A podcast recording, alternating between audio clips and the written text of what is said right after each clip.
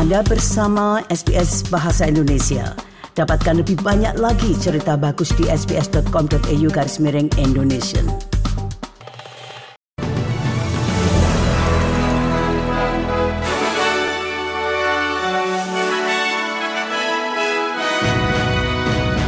Berita terkini SBS Audio Program Bahasa Indonesia untuk hari Jumat 8 Desember 2023.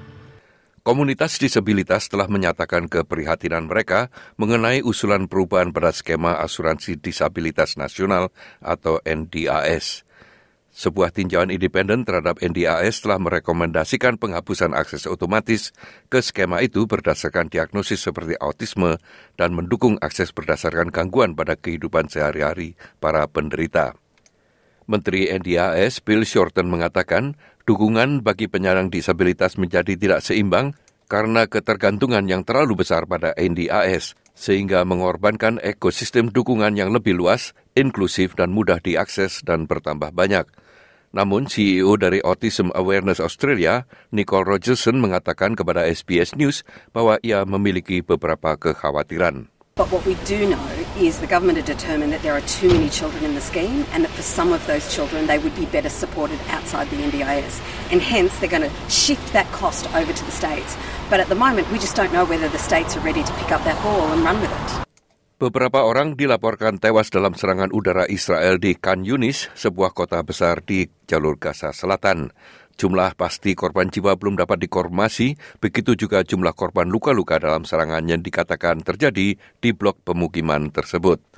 Namun para saksi seperti Syadi Abu Sharma mengatakan puluhan orang dikhawatirkan terkubur di bawah reruntuhan. There were people having breakfast, safely sitting, baking or filling water. There is no safety. There is no safe area. All the missiles are falling over people's heads. God will judge everyone staying silent, every single person staying silent. More than 70 persons are trapped under us. We can't pull them out. People, for God's sake, feel for us. More than 70 persons are trapped under here. They're still pulling people. We pulled out from maybe more 20 or 30 persons, and they're still at it. Right below our legs, there are probably some 70 people.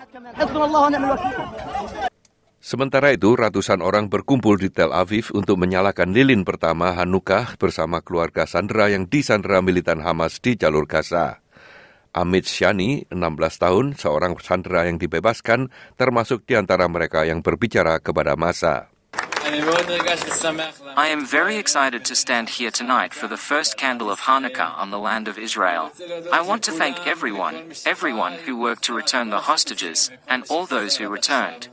It makes me so happy to be here, with family and friends. We must continue the fight until the last hostage returns. Diperkirakan masih ada sekitar 138 orang sandera masih berada di Gaza yang terdiri dari para prajurit dan juga orang-orang sipil. Para siswa yang mengikuti pesta skulis di Queensland meminta lebih banyak dukungan dari pihak berwenang di tengah laporan tidak resmi mengenai peningkatan spiking dalam minuman beralkohol.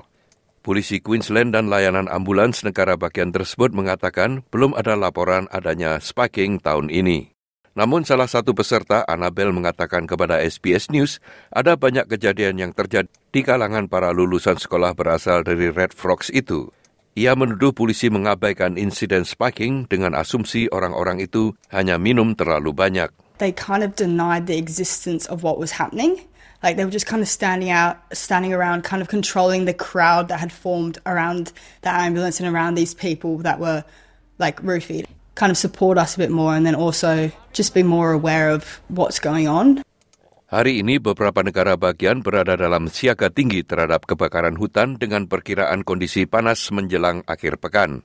Dinas Pemadam Kebakaran Negara telah memperingatkan hari ini bisa menjadi salah satu hari cuaca kebakaran paling signifikan dalam beberapa tahun dengan peringatan yang tinggi, ekstrim di sebagian besar New South Wales, sebagian besar Australia Selatan, dan Victoria. Suhu di seluruh Australia Selatan diperkirakan akan mencapai pertengahan 40 derajat hari ini. Seorang peramal cuaca senior dari Biro Meteorologi, Sarah Sekali mengatakan kondisi angin kencang juga akan meningkatkan bahaya kebakaran. Extreme fire dangers across southern South Australia, eastern South Australia and northwest Victoria and southeast New South Wales. So it's a, fairly broad heat wave and also fire danger event over the next couple of days. Korban kekerasan rumah tangga akan dapat mengakses konseling dan dukungan spesialis melalui pesan teks yang dibawa inisiatif baru yang dirancang untuk menjadikan pencarian bantuan lebih mudah diakses. Menteri Pelayanan Sosial Amanda Risworth hari ini meluncurkan skema itu di mana dukungan teks kesaluran bantuan kekerasan dalam rumah tangga 1-800-RESPECT akan tersedia 24 jam per hari, 7 hari seminggu melalui telepon dan layanan online mereka. When we think about some of the tragic news that is hitting uh, hitting the media at the moment, I think we are all uh, quite devastated. Um, but I hope provides us the resolve to continue on our path to end violence against women and children in one generation. Sekian berita SBS Audio program Bahasa Indonesia yang disampaikan oleh Ricky Kusumo.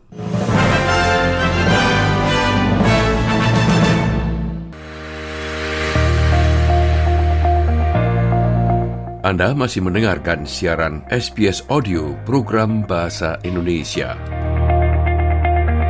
Jika Anda ingin menghubungi kami, silahkan menelpon kantor kami di Sydney pada nomor 02 9430 3135 atau kantor kami di Melbourne dengan nomor 03 9949 2208. Anda juga dapat menghubungi kami melalui email pada alamat indonesian.program at sbs.com.au.